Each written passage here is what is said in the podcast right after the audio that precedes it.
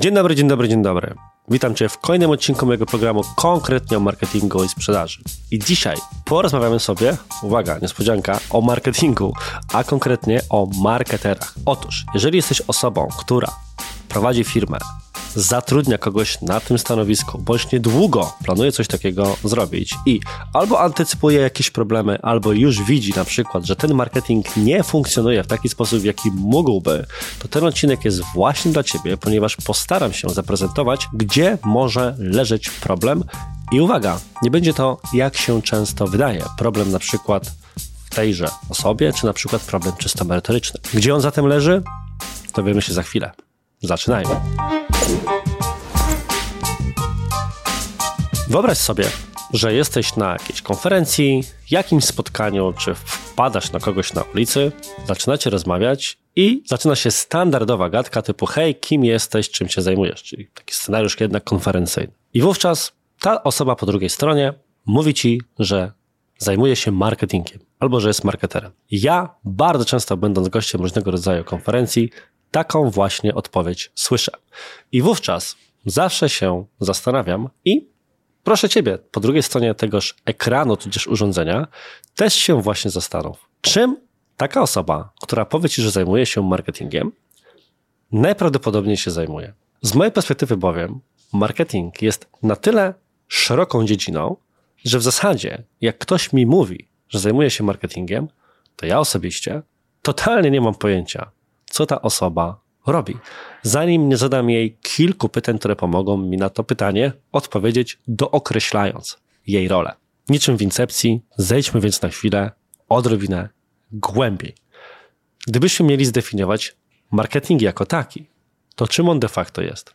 To również byłby problem. I oczywiście nie reguluj odbiorników. Rolą tego odcinka nie jest wdawanie się teraz w jakieś teoretyczne rozważania itd., tak itd. Tak w wielkim uproszczeniu bowiem podamy sobie to w ten sposób, że w mojej własnej definicji marketing jest de facto zestawem trzech typów działań.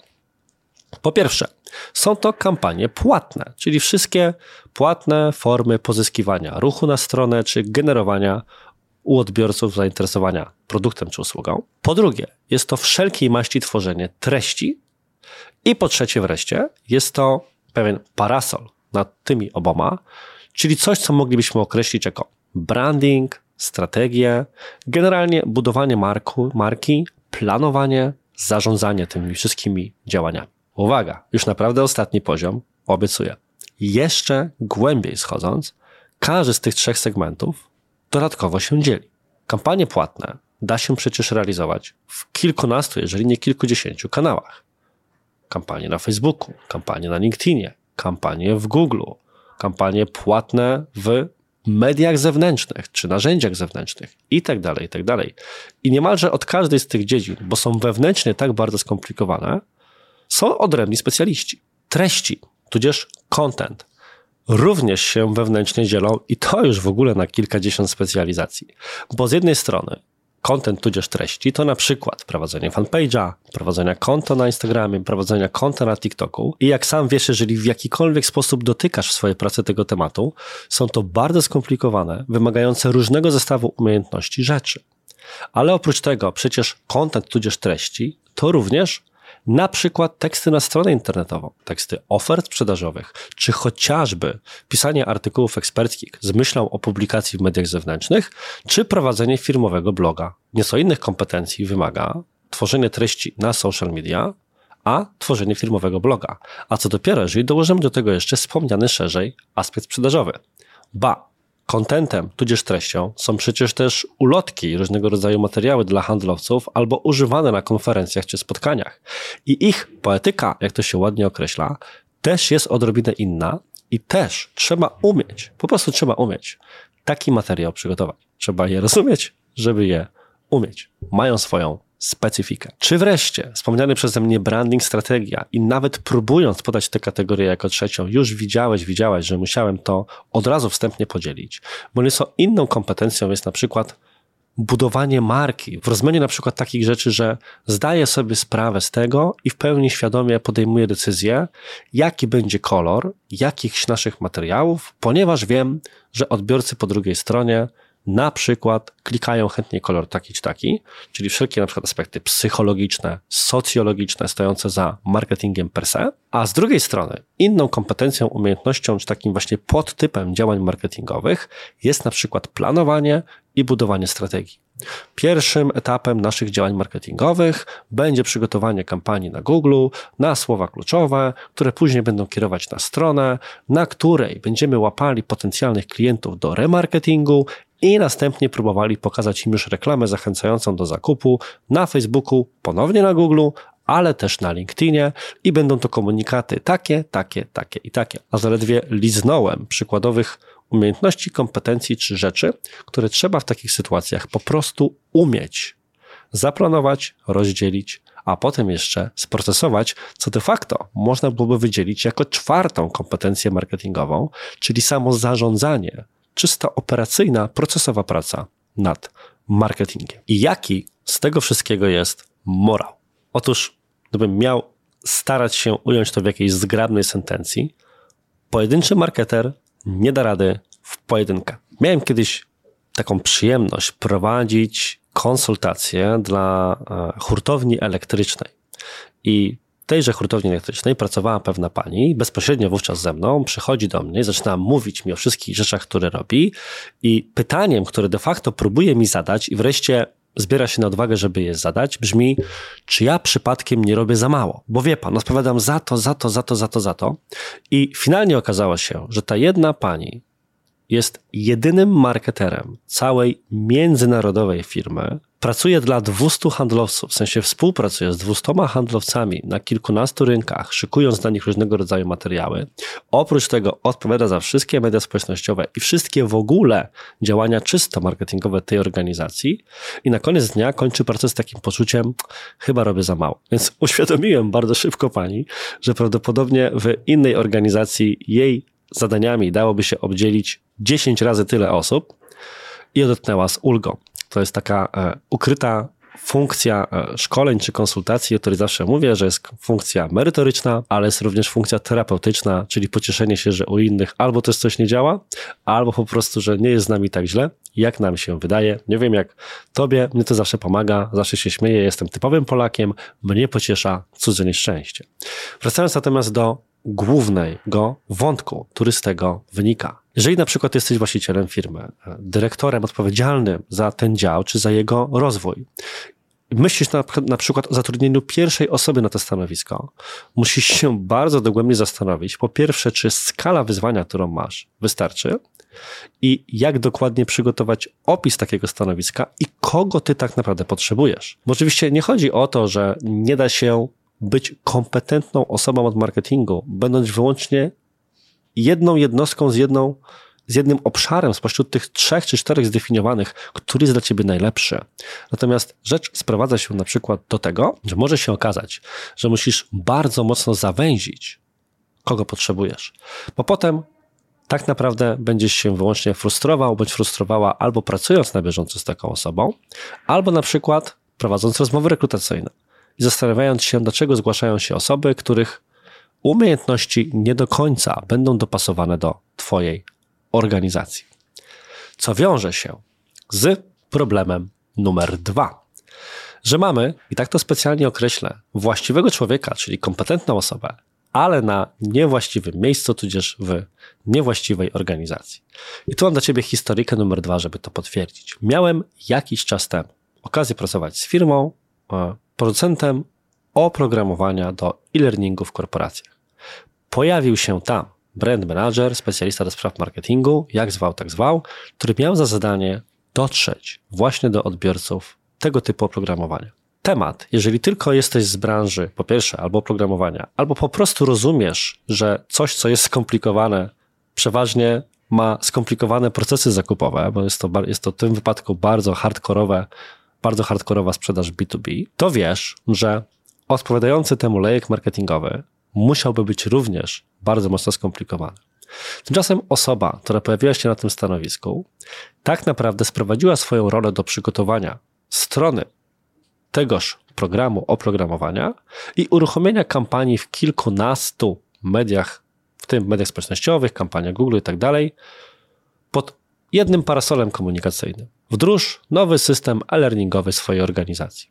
Cóż, czegoś takiego nie powinno się puścić i to zwyczajnie nie miało prawa zadziałać, ponieważ ewidentnie brakuje tu zrozumienia właśnie ścieżki podejmowania decyzji w zakresie zmiany takiego oprogramowania, jak również próby dotarcia do osób i wywołania w nich wrażenia, że może to jest właśnie ten moment, w którym należałoby coś takiego spróbować zmienić, wdrożyć, odświeżyć, jak zwał, tak zwał. Inny przykład z innej branży, a o bardzo pokazujący bardzo podobne myślenie.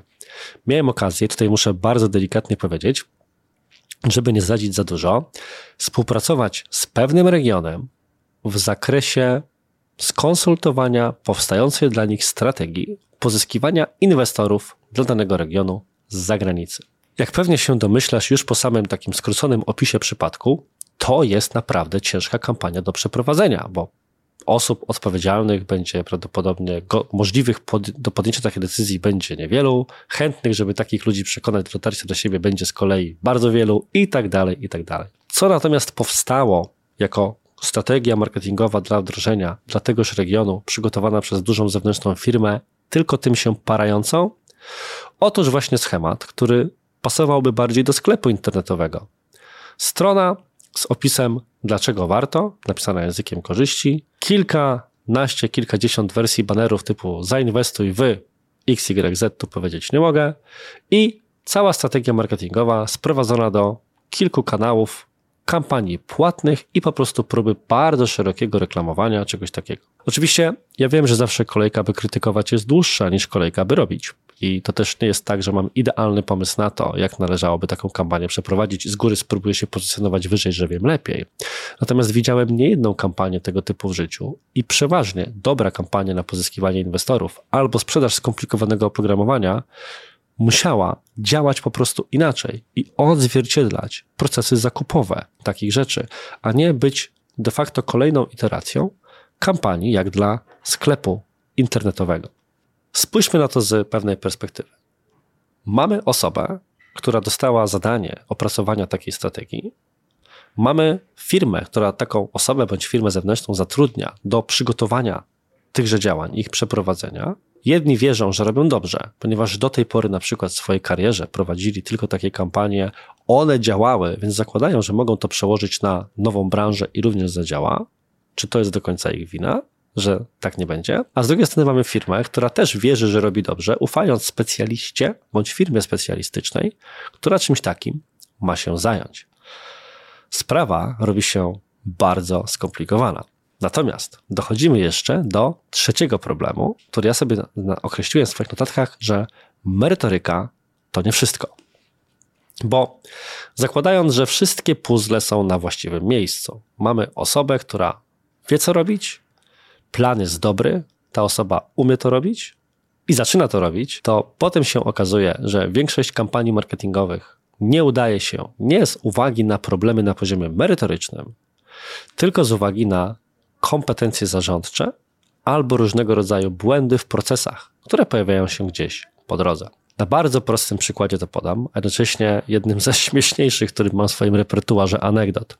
Otóż przez kilka lat miałem okazję pracować z typową firmą produkcyjną, która zajmowała się produkcją, żeby powiedzieć delikatnie, różnego rodzaju komponentów do ogrzewania, nazwijmy to twórcy, wytwórcy rur. Żeby było kolokwialnie, może trochę prostacko, przepraszam, ale wiemy już o jaki klimat chodzi.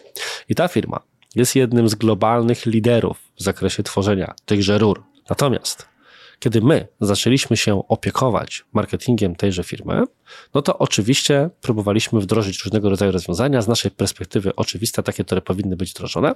I jednym z takich braków, które udało się zdiagnozować, jest brak, uwaga, Google Analytics na stronie. I nie jest to niczym dziwnym, wbrew temu, jak dużo mówi się w branży marketingowej o Google Analytics, to wcale nie wszystkie strony internetowe go mają.